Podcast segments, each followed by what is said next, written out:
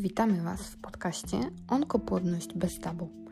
W temacie utraty i zachowania płodności po terapii onkologicznej raka piersi narosło wiele mitów i wiele pytań pozostaje często bez odpowiedzi. W tym podcaście chcemy odpowiedzieć na większość z nich. O onkopłodności bez tabu rozmawiają ginekolog i endokrynolog dr Monika Łukasiewicz oraz psychoonkolog i pacjentka onkologiczna Aleksandra Dryzner. Witam Państwa, dzień dobry, nazywam się Monika Łukasiewicz e, i dzisiaj z Olą będziemy rozmawiały na temat zachodzenia w ciąży po terapii raka piersi, e, kiedy to zachodzenie w ciąży jest bezpieczne i jak taką ciążę potem należy prowadzić.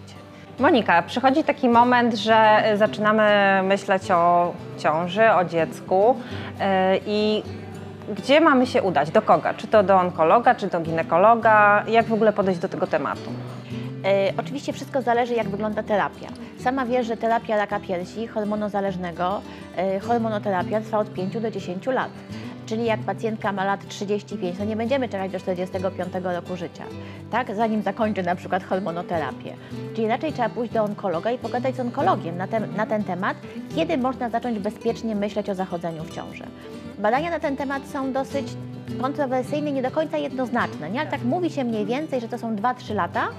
Teraz prowadzone jest duże badanie, które też ma określić, jaki to jest mniej więcej bezpieczny czas na zajście w ciążę u pacjentek właśnie po zdiagnozowanym raku piersi i oczywiście po terapii tak, tego raka. Czyli 2-3 lata czekamy i możemy po zgodzie naszego onkologa próbować zajść w ciążę. I teraz jest kolejna rzecz. Ważne, że badania mówią, że chemioterapia w ogóle nie wpływa na ryzyko wad y, płodu, tak? Znaczy przebyta chemioterapia, tak? Gdzieś tam w przyszłości. Badania mówią, że po tamoksyfenie, tak, czyli po tej hormonoterapii należy poczekać około 3 miesiące tak, ze zachodzeniem w ciąży. E, I jeszcze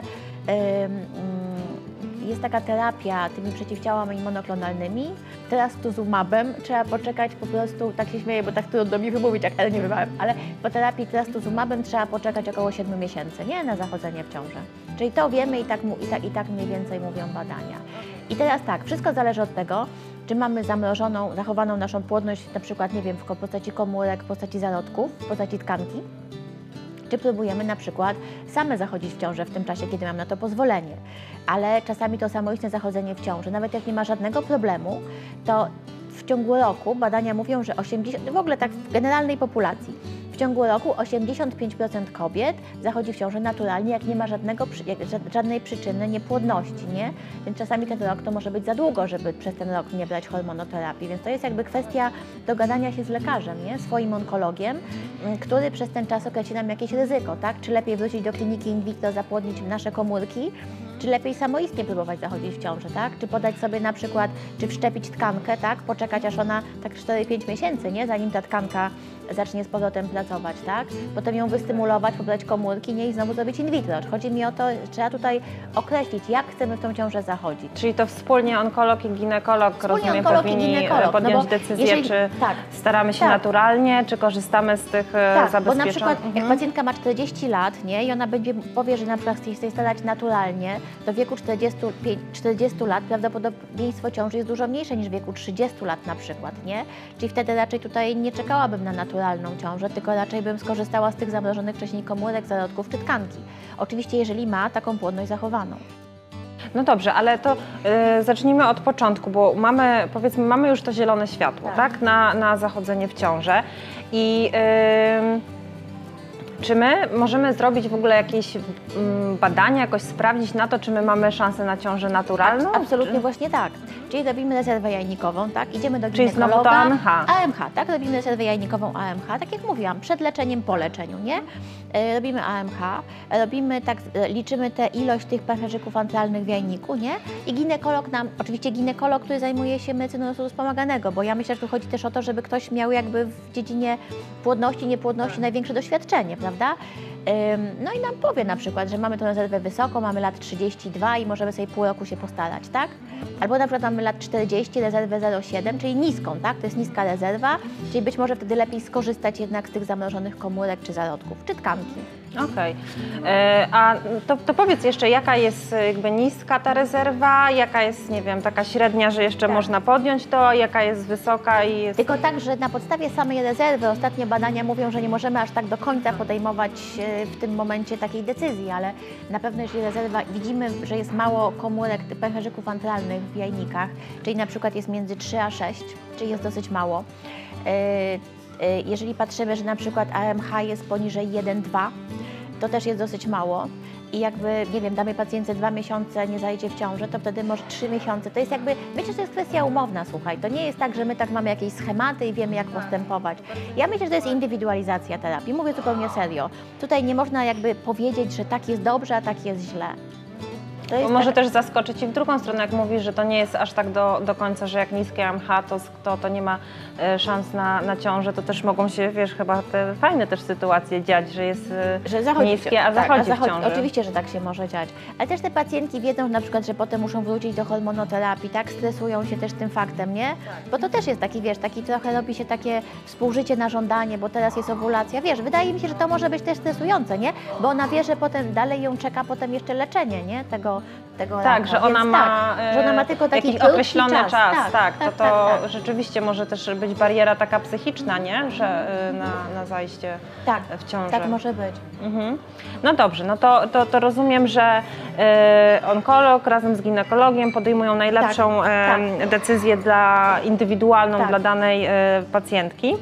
E, badamy jeszcze przy okazji to AMH, to też jakoś Tak. nam, nam daje tą, e, tą No sytuację. badamy to AFC, czyli ilość tych pęcherzyków, nie? Yy, E. To, to zacznijmy od tego, że e, no te, jakby te wyniki, e, rokowania i tak dalej, to jest wszystko dobrze i, i staramy się e, naturalnie zajść w ciążę. Taki teraz scenariusz. I e, no, czy my możemy jakoś się, nie wiem, wspomóc czymś, żeby mieć większą szansę na zajście w ciążę? Jest coś takiego, że nie Wiesz wiem, jakaś nie ma dieta tak. czy Nie, cokolwiek? Nie, ma, nie, nie. Znaczy Nie. ja tutaj już nie Mhm. będę opowiadać takich rzeczy. Nie, po prostu możemy monitorować cykl na przykład u ginekologa, nie? Czyli na przykład wiadomo, że dokładnie określić owulację, yy, dokładnie yy, zastanowić się z naszym ginekologiem, kiedy najlepiej współżyć, tak? Tak możemy zrobić, bo, bo mamy trochę czas na to ograniczony, więc tak możemy zrobić. Mhm. A takie testy owulacyjne z y, apteki, Jest to to- jest... To jest okej, ale ja to tak czasami uważam, te testy mogą czasami trochę fałszować, ale generalnie, generalnie testy są w porządku. Mhm. Okej, czyli możemy e, tutaj u ginekologa jeszcze te, Tak. e, te testy i Tak, wtedy sobie też więcej... kwas foliowy, tak, witaminę D3. No właśnie o to się chciałam zapytać jeszcze. Tak, łykamy sobie Okej. kwas foliowy, Mhm. witaminę D3, y, różne tam suplementy, tak, dla pacjentek, które y, chcą zachodzić w ciążę. Tak jak, jakby, jakby przygotowanie do ciąży jest takie samo jak u pacjentki, która wcześniej nie była chora, tak? No bo tutaj robimy sobie toksoplazmozę, cytomegalię, tak? Różyczkę, sprawdzamy, czy chorowałyśmy. Także to są wszystko takie, takie typowe raczej przygotowania do ciąży. Okej. No i rozumiem, że ten czas, jakby, który mamy na zajście w ciąży, to też jest indywidualny, tak? Że u Tak. niektórych pacjentek to y, powiedzmy możemy dać te trzy miesiące tylko, bo potem mm, już jakby szkoda Tak. tego czasu, Tak. tak? Y, a u, u młodszych rozumiem, że więcej możemy trochę dać Tak. sobie tego czasu na te Tak. naturalne y, próby. Y, Okej. Bo mamy większą szansę. Ale myślę, że to jest kwestia naprawdę przegadania tego z naszym onkologiem, bo on nam wtedy dokładnie powie, jakie są nasze, jakie jest prawdopodobieństwo y, zajścia w ciążę. Tak, w sensie takim, znaczy w sensie on, on nam powie, jaki, jaki był nowotwór, jakie mamy szanse, kiedy musimy wrócić do hormonoterapii, nie? Ginekolog nam powie y, na podstawie naszej rezerwy jajnikowej, nie? Natomiast onkolog nam powie, ile mamy czasu, żeby próbować naturalnie albo skorzystać z jakichś metod. Ale co jest ciekawe, słuchaj, robiono badania i to czytałam, to są 2019 rok, gdzie, to są świeże, gdzie się okazało, że tylko 10% kobiet wraca po swój zamrożony materiał. Tylko to jest 10% kobiet po różnych nowotworach, nie tylko po piersiach, ale tylko 10%. No to ciekawe, czy one nie wracają, bo nie chcą, czy, czy się im udaje naturalnie? Myślę, że dużo jest przyczyn. Myślę, że po pierwsze właśnie udaje im się naturalnie, po drugie nie wracają, bo różnie może być, tak, z tym nowotworem, bo to mówię, to nie był tylko rak piersi, nie? Więc różnie mogło to się skończyć dla tych pacjentek. Albo nie wracają, bo rezygnują z macierzyństwa, nie? No jak, ale tylko 10%, nie? E, No dobrze, no to mamy taką sytuację, że, że y, możemy się starać naturalnie. Rozumiem, że możemy to robić jakby pod kontrolą USG, żeby sobie jeszcze zwiększyć y, szanse na, na zajście. Y, I, y, no i czekamy, tak? Czy, mm, czy dalej próbujemy naturalnie, bo ja pamiętam, że mówi się, że takie, taka, taki bezpieczny czas to jest dwa lata na to, że na zajście w ciążę i urodzenie dziecka. No to, masz już tylko rok na tak. zajście w ciąży, nie? Tak. Ale to zależy kiedy, No bo właśnie. mówię Ci, jak masz 40 lat, no to... To jak potem masz 41, wiesz, to już jakby płodność po 40 roku życia, zawsze tak jak mówię moim pacjentom, to tak spada naprawdę tak, y, tak jak taki stok na łeb, na szyję, taki stok mi się wydaje taki pionowy, taka czarna trasa, naprawdę. Płodność spada, zaczyna spadać po 35, a y, prawie pionowo spada po 40. No, No to rzeczywiście to jest jakaś tam kwestia już e, do, do, do przegadania. Czy, I naprawdę czy... indywidualna. Naprawdę, Ola. Tutaj bym powiedziała, tutaj jest kwestia indywidualizacji terapii, no. No dobra, ale rozumiem tak, że te już potem te naturalne starania, to tutaj się Tak. nie, nie ma różnicy, czy ktoś jest po raku, czy, czy nie. Możemy jakoś tam się e, wspomóc, jeżeli, e, jeżeli chcemy, ale, ale generalnie to wygląda tak samo. A taki drugi scenariusz, e, no to decydujemy się na in vitro. Tak. tak? No i to możemy, e, rozumiem, do tego podejść, e, albo mamy tylko zamrożone Komórki. e, komórki, albo już mamy zarodki. Tak. No to zacznijmy od tych komórek. Jak, jak, jak, jak to wszystko wygląda, ta cała procedura, od czego się zaczyna? Nie, no oczywiście umawiamy się z lekarzem, tak, medycyny rozrodu, mamy zgodę onkologa, że możemy zachodzić w ciążę, yy, pro- prowadzimy procedurę jakby do rozmrożenia tych, przygotowujemy pacjentkę, nie, odpowiednio jej tam cykl, podajemy jej odpowiednie yy, leki, tak, żeby ją przygotować, tak, na takim cyklu sztucznym, tak, tylko ona wtedy znowu bierze estrogeny, nie, pamiętaj o tym, nie, przez jakiś czas. Oczywiście możemy próbować też na naturalnym wtedy jej podać, tak? Bo to chodzi o to, że tak jak, no bo to jest też dosyć ważne, nie? No bo ona znowu będzie pod wpływem estrogenów, tak? Będzie wykazano, że ciąża nie pogarsza rokowania, jest w porządku, jest, ale de facto y, przygotowujemy pacjentkę pewnie na cyklu naturalnym byłoby korzystniej, nie? I, I w momencie, kiedy ma własną jakby owulację, bo to jest takie dosyć ważne, jak ma własną owulację, my wtedy rozmrażamy komórki jajowe, tak? I zapładniamy. A to się szybko rozmraża, czy to też jest jakaś taka Nie, metoda, to jest taki- metoda, to już oczywiście Mhm. biolodzy rozmnażają No te komórki. tak. No ale to oczywiście oni tam rozmnażają, tam sprawdzają jak te komórki przeżyły po rozmrożeniu, nie? I dopiero tego samego dnia komórki są za, zapładniane nasieniem y, partnera, nie? No i to jest jedna z opcji, tak?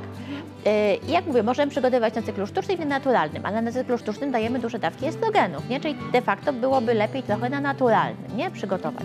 Ale to, y, to od czego to zależy tak naprawdę? Czy zrobicie to na naturalnym, czy Pewnie na... od tego, czy jest owulacja, nie? Znaczy nam jest Aha. wygodniej robić, tak, jeżeli chodzi o to na, na sztucznym, bo mamy jakby większą kontrolę, a tak to czasami musimy tą owulację kontrolować dosyć często.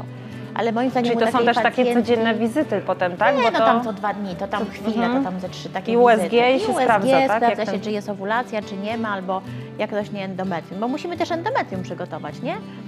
Jak jakby owulacja się pojawia, czyli rośnie sobie ten jeden z pęcherzyków dominujących, który też wydziela oczywiście estrogeny, no to endometrium oczywiście się przygotowuje do tego, tak? I proliferuje, po prostu sobie narasta. Co? Wiem, użyłam słowa. No, rośnie to endometrium. No rośnie. Bardzo się staram mówić prostymi słowami. Rośnie endometrium, no i później, Mhm. I później jakby zapładniamy nie, te komórki Mhm. i dajemy w drugiej fazie też progesteron. E, A powiedz mi Monika, jak e, e, te zarodki czy jajeczka są rozmrażane, to one wszystkie przeżywają, czy może się zdarzyć, że jakieś stracimy? Jak, jak... Absolutnie może się zdarzyć, że y, się nie rozmrożą, albo na przykład się źle rozmrożą i zdegenerują, nie? Często tak się, nawet jak one się rozmrożą, my je obserw- mówię teraz o zarodkach, my je obserwujemy y, najczęściej, no zależy, jak są to blastocysty, to parę godzin, tak? Zależy jeszcze w jakiej fazie zamrożone. Jak są to, ko- czasami są też mrozimy zarodki w drugiej, trzeciej dobie, jak na przykład wcześniej, tak żeśmy zdecydowali, czy były gorszej jakości, czasami też tak robimy i wtedy na przykład obserwujemy je przez całą dobę. I one czasami mogą zdegenerować albo źle się rozmnozić, wtedy też ich nie, nie podajemy. I komórki, no komórki jakby szybciej wiemy, czy się dobrze rozmnoziły, czy nie, nie? Więc też jak jest, że one szybciej widzimy, tak? Tak jak, znaczy embriolodzy to widzą. No tak mniej więcej, ale to już embriolodzy oceniają, nie? Oni tam widzą, czy mają wszystkie cechy, które świadczą o tym, że się dobrze rozmnoziły, no i jak są zapładniane. Tylko chodzi o to, że nie wszystkie też komórki takie rozmrożone się dobrze zapładniają. A y, my od razu jakby wszystkie te komórki rozmrażamy? Od razu czy wszystkie. od razu tak, tak, wszystkie? tak, od razu Mhm. wszystkie. No chyba, że pacjentka sobie życzy inaczej, tak? Albo ma jakąś Że inną może sobie wolę. podzielić na Że przykład, może sobie że- podzielić, no jakby Mhm. mi- miała 20 zamrożonych, no to powiedzmy, to nie chcę rozmnozić 10, tak? Chodzi mi o to, że, że tak, no, że nie 20. To zależy od ilości zamrożonych, tak? I te zarodki, y, jak mamy zarodki, no to też wszystkie rozmrażamy, czy też możemy sobie... Nie, zarodki to jeden rozmnażamy. Jeden. Jeden, tak. Aha. Zarodek rozmnażamy jeden, komórki wszystkie. Bo komórki rozmnażamy po to, żeby je zapłodnić, nie? Natomiast zarodki rozmnażamy po to, żeby jeden podać. Czyli my de facto na przykład mamy pięć zamrożonych zarodków, to potencjalnie mamy pięć dzieci. Tylko pamiętaj, że to jest potencjalnie, bo z takiej jednej stymulacji, no to jest jedno dziecko, góra dwa, to naprawdę, to najczęściej. Okej, czyli tutaj y, rozmrażamy jeden, Tak, sprawdzamy, tak. czy on się Tak. y, tak, do, ożywił, No, że tak powiem. Znaczy, czy, czy, czy żyje, Tak. czy wy, wykazuje wszystkie Okej, cechy, czy się jak- podzielił na mhm. przykład jak był w trzeciej dobie albo w drugiej zamrożony, tak? Albo czy blastocysta przeżyła i się rozprężyła. Okej, ale to rozumiem, że trzeba, ale mimo wszystko kobieta jest stymulowana, tak? Ona I- nie jest stymulowana, ona Nie. jest przygotowywana, wiesz, przygotowywana. A jak się okaże, że ten zarodek yy, Nie przeżył? zdegenerował, No to odstawiamy leki, tak? Albo po odstawiamy prostu tak. i za miesiąc I za próbujemy. miesiąc podchodzimy, tak. Tylko pamiętaj, myślę, że u tych, bo mówię, można przygotować na cyklu naturalnym i na cyklu sztucznym, nie? Jak mamy owulację, to taki, u takich pacjentek po, po przebytym raku piersi warto na naturalnym cyklu, nie? Żeby jakby jak najmniej dawać im po prostu hormonów, nie? E, To teraz opowiedz, e, jak wygląda ten transfer, no bo już dochodzimy do tego momentu, że No znowu tak. mamy podobną sytuację, no bo jak mieliśmy jajeczka, no to one są już zapłodnione i też mamy Tak. e, Transfer, zarodki. wiesz co, to są, akurat wzięłam tutaj od siebie znowu takie cewniki. Yy, Transfer wygląda tak, że mm, podajemy do jamy macicy zarodek, nie? Podajemy go oczywiście w konkretne miejsce pod kontrolą USG. A to też jest e, w znieczuleniu? Nie, to nic nie, Nie. boli, w ogóle nie. Wkładamy w zielnik. Najpierw jest tak, że ja do jamy macicy wkładam, to jest taki typowy cewnik. Ale nie? przez pochwę to Przez wkładasz. pochwę, tak. Wkładamy w zielnik, wkładamy przez pochwę, nie? I tam w USG później, jeszcze potem pokażę w ogóle tam na tych moich schematach, w USG później widzimy końcówkę tego cewnika w jamie macicy. No i teraz, y, jak my już jesteśmy w tej jamie macicy, bo są różne rodzaje cewników, nie? Najczęściej te transfery w 90% przebiegają łatwo, tak? Łatwo się to wkłada, pacjentka w ogóle nic nie czuje. Pacjentka musi mieć pełny pachet, bo wtedy widać lepiej, nie? Tą jamę. I wtedy mm, tutaj, to jest tak zwany cewnik zarodkowy, widzisz? Czyli ten cewnik zarodkowy jest przygotowywany przez embriologów, on tak wygląda i tutaj jest zarodek. Y, I jak mamy, zarodek jest oczywiście niewidoczny w USG, ale mamy dwa znaczniki powietrza, nie? Mamy dwa znaczniki tutaj, przez, oczywiście przygotowane przez embriologów. I teraz jak ja tutaj wstrzymam ten transfer, nie? Przychodzi embriolog, tak? Daje ten cewnik zarodkowy, ja go wkładam tu, nie? No i sobie idę nim, nie? Pyk, pyk, pyk, pyk. Tu dochodzę, no i zaczynam, widzę końcówkę tego w USG i zaczynam widzieć znaczniki powietrza, nie? które tutaj idą. Oczywiście nie widzę, nie? I tak mniej więcej musimy podać zarodek, czyli znaczniki powietrza, mniej więcej od centymetra od dna macicy, tak? Centymetr, półtora od dna macicy. Tak mniej więcej, no bo, tego, bo one czasami się tak znaczniki rozpływają.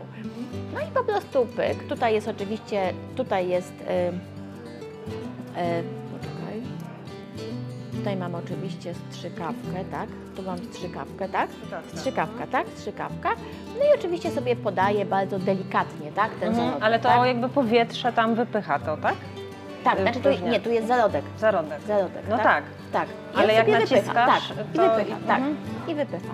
No i generalnie, y, no i tyle. No i tam oczywiście potem oglądamy pod kontrolą USG. Ale to widać już potem, jak to zostało Tak, umieszczone. widzę takie dwa, widzę Mhm. takie, wiesz co, widzę takie punkty. Ja za chwilę, Aha. ja to pokażę, dobra, jak to w ogóle wygląda, bo widzimy takie punkty, ale te punkty są oczywiście, y, te punkty są oczywiście punktami, y, te punkty są punktami, y, ty, tymi znacznikami. To my nie widzimy zarodka, nie? Bo zarodka jest niemożliwe, żeby go zobaczyć, nie? A po jakim czasie go potem można zobaczyć? Y, ten zarodek? No, czy on się przyjął, E, czy tam się... Po 10 dniach robimy beta-HCG, nie? Aha, czyli czyli to tak. z krwi jest Tak. Mhm. Tak, czyli tutaj mamy, mówię, tutaj mamy płyn, tutaj mamy zarodek, tak? Tutaj sobie wkładamy, nie? A ile to czasu trwa? więcej? Y, ile czasu trwa takie podanie? No. Jedną minutę. Minutę, aha. No tak, znaczy to bardzo szybko trwa, to Mhm. w ogóle tutaj nic takiego nie ma, nie? Okej. Czyli tu jest ta strzykawka, tak, z tym płynem, no bo trzeba popchnąć, tak, Mhm. żeby, to, No właśnie. żeby to tam zostało, no. No, no dobra. Także płyn, tutaj są znaczniki z zarodkiem, no i Mhm. I 10 dni czekamy, robimy badanie Tak. z krwi i, Tak. i ona nam mniej więcej y, pokazuje, że... mniej więcej po 10 dniach rośnie beta-HCG. No i patrzymy na podstawie tego Beta-HCG, beta-HCG. czy to jest jakiś hormon też? Tak, to jest hormon, Mhm. tak, który jest wydzielany przez y, kosmówkę, nie? czyli przez y, późniejsze łożysko. No dobra, i ten... to nam pokazuje, że na przykład jest ta ciąża, tak? I, Tak. i, i jak, co potem jeszcze jak może Nie no, potem patrzymy, czy jest ciąża, nie? No, ale to już, Mhm. po- potem To już już jest USG jak, normalnie. Potem to USG, ale to już jest potem jak tak zupełnie naturalnie poczętej ciąży, bo tutaj nie ma żadnej różnicy, nie? Mamy beta-HCG, beta-HCG sprawdzamy za dwa dni, powinno nam zostać co najmniej 80%, nie? 80% za dwa dni. Potem możemy jeszcze raz to zrobić. Mniej więcej akcja serca jest w szóstym tygodniu, tak? Żebyśmy tak zobaczyły. Ale to, to wszystko już jak w naturalnej ciąży. Okej. E, Kiedy już jakby właśnie mamy pewność, że ta ciąża się e, utrzymała, tak? To, to właśnie Czy jest tutaj to ten- ciężko powiedzieć, bo jeszcze mamy badania genetyczne, nie? Mamy te testy przesiewowe PAPA, które nam wykluczają wszystkie, znaczy wszystkie, no takie najbardziej podstawowe wady genetyczne, czyli zespół Downa, Edwardsa i Pato. Jakby to jest ten test, test przesiewowy. Test, który się robi około między 11 a 14 tygodniem ciąży. Możemy też zrobić tak zwane testy na DNA płodu, które pobieramy z krwi matki, nie? I to są te testy NIFT, Harmony, Panorama, dużo jest tych testów.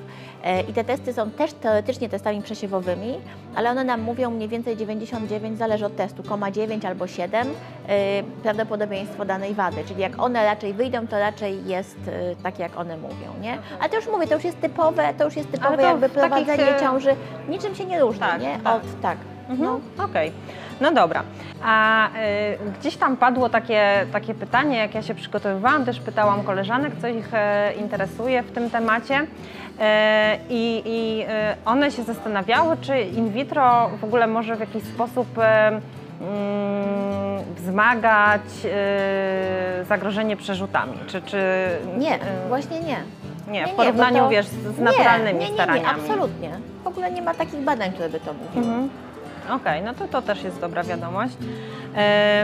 A jeśli chodzi o kobiety z mutacją genetyczną, to jak ty uważasz, czy, czy, czy dla nich e, mm, in, czy to w ogóle ma znaczenie, czy to jest metoda in vitro, czy Wiesz naturalne co, starania? y, To, co ja uważam, to jest mało ważne, nie to jak mówią Mhm. badania, nie? Bo mówią generalnie badania, że u takich pacjentek, oczywiście jak naj, żeby jak najszybciej zaszły w ciążę, tak? Że ciąża nie pogarsza lokowania i tak dalej, ale też badania mówią, że dobrze by u takich pacjentek badać tą diagnostykę preimplantacyjną w kierunku tej mutacji BRCA1 albo BRCA2.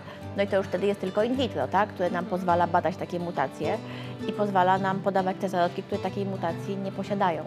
Okej, czyli, Tak, czyli jest czyli taka możliwość. To, to się jeszcze e, w takim razie to się cofnijmy. Czyli jak mamy kobietę z mutacją genetyczną i mamy, e, bo to jest już na etapie zarodków e, się, Na się etapie bada, zarodków, tak? tak? w piątej Mhm. dobie się bada taki A to zarodek. się bada przed zamrożeniem, czy po, To się po bada przed zamrożeniem. Przed zamrożeniem się zamrożeniem, bada tak.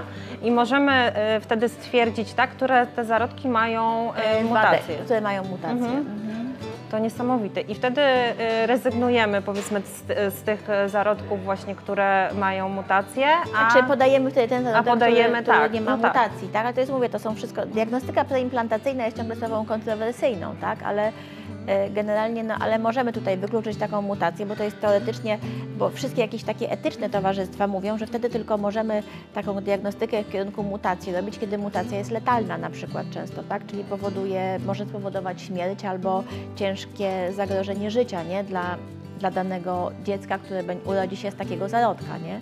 Czyli taka, no właśnie tutaj mutacja BRCA1, BRCA2 jest mutacją, która spowoduje zagrożenie życia, więc, ale to jest cały czas No ale wiesz, no właśnie to jest e, taka kwestia, przez którą dużo naprawdę dziewczyn się nie decyduje na ciążę, bo po Ja prostu wiem. nie, chcą, nie chcą przekazywać tej mutacji, nie chcą, żeby, żeby mm, dziecko, żeby żeby ich dziecko przechodziło tak, to samo, co one one. Ja przechodzą. wiem, ja wiem, dlatego moim zdaniem tutaj ta, to in vitro i ta diagnostyka preimplantacyjna właśnie w kierunku mutacji BRCA1, BRCA2 jest, y, jest w porządku, nie? Mhm.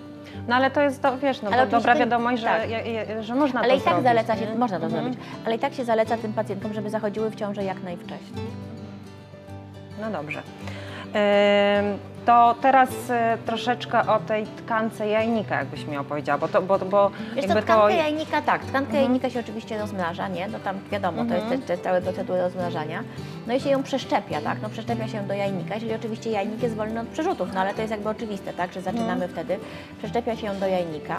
E, I unikać oczywiście mnożenia, to jest jakby metoda nie pierwszego rzutu u pacjentek właśnie z mutacjami BRCA1, BRCA2. Nie jest to metoda pierwszego rzutu. Mhm. Możemy to zrobić, ale nie jest to jakby wiadomo, tak? Bo one też Mhm. mają zagrożony jajnik, tak? Nowotworowo. No tak. Dlatego nie. Mhm. Natomiast y, u innych pacjentek po prostu przeszczepiamy w jajnik.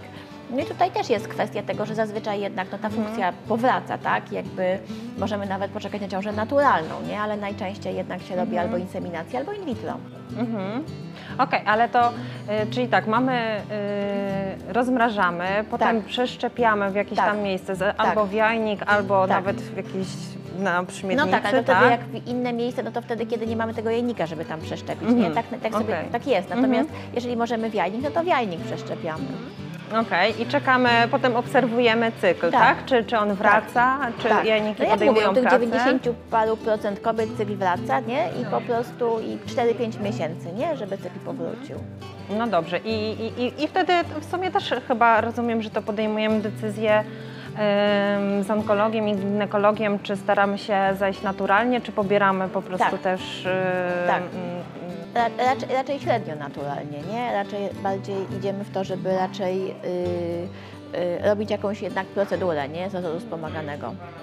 Dlaczego? Raczej in vitro. Bo czasami y, też jest to długo, nie? Czasami jakby, no... Mi, mi się wydaje, że to jest No tak, no bo kwestia... czekać 3-4 miesiące. Właśnie, najpierw czekamy no 3-4 właśnie, bo to- miesiące, a potem jeszcze... Chodzi mi zawsze o kwestię czasu, Czasu, nie? U tak. pacjentek onkologicznych, nie?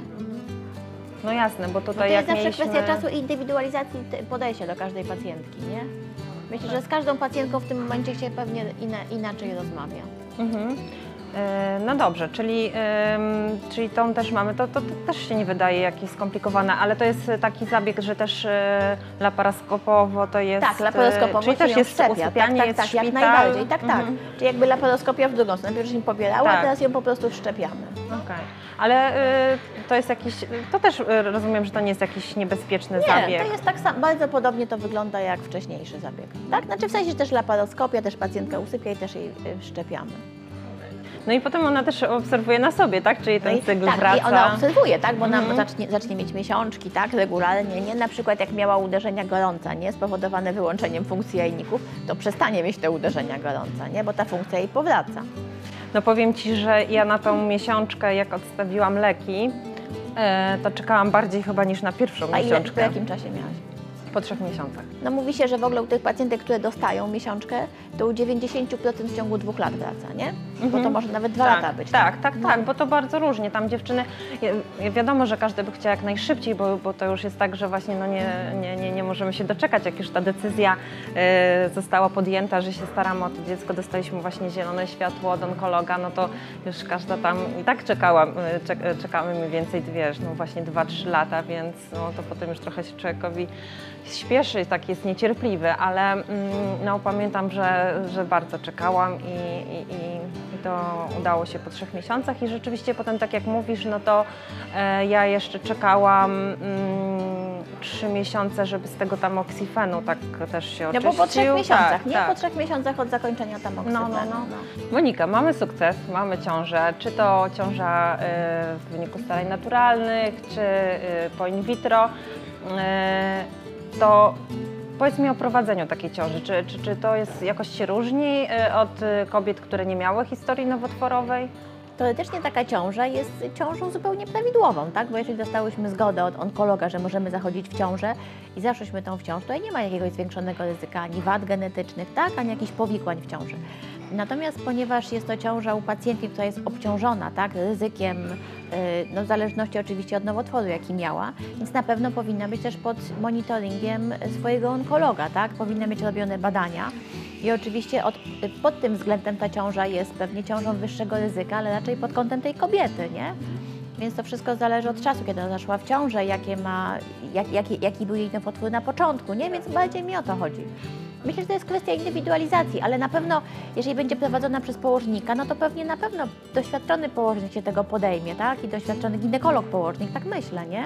Ale to może być taki jakby no, normalny ginekolog, Absolutnie to tak. nie musi być jakiś Absolutnie tak, to tylko zależy od niego, nie? Mhm. To tylko zależy od niego, bo tutaj jest kwestia, żeby ta pacjentka była monitorowana przez dwie osoby. Jasne. E, A jeśli chodzi o poród, y, czy on może być też naturalny? Ależ czy... tak. Mhm. Tu nie ma żadnych, nie, tu nie widzę, że to jest po prostu ciąża normalna, prawidłowa, pacjentka jest zdrowa, nie? No wiadomo, tak? No to to jest świetną wiadomość. Ale no tak, no bo tutaj to nie jest jakoś tak, że ta pacjentka, ona oczywiście jest specjalnie monitorowana, bo ona ma obciążony wywiad, tak? To jest oczywiste. Ale potem już normalnie jak każda... No to super, to, to jest bardzo fajna wiadomość. Jeżeli chodzi o ciążę po in vitro, no to wtedy tak jak ciąża po in vitro, nie? Że na przykład czasami jest zwiększone może być ryzyko na przykład porodu przedwczesnego albo na przykład cukrzycy. Tak chodzi tylko o to, że to już, to już po prostu w każda ciąża jakby y, w zależności od metody, w jakiej została y, zrobiona, nie? Poczęta.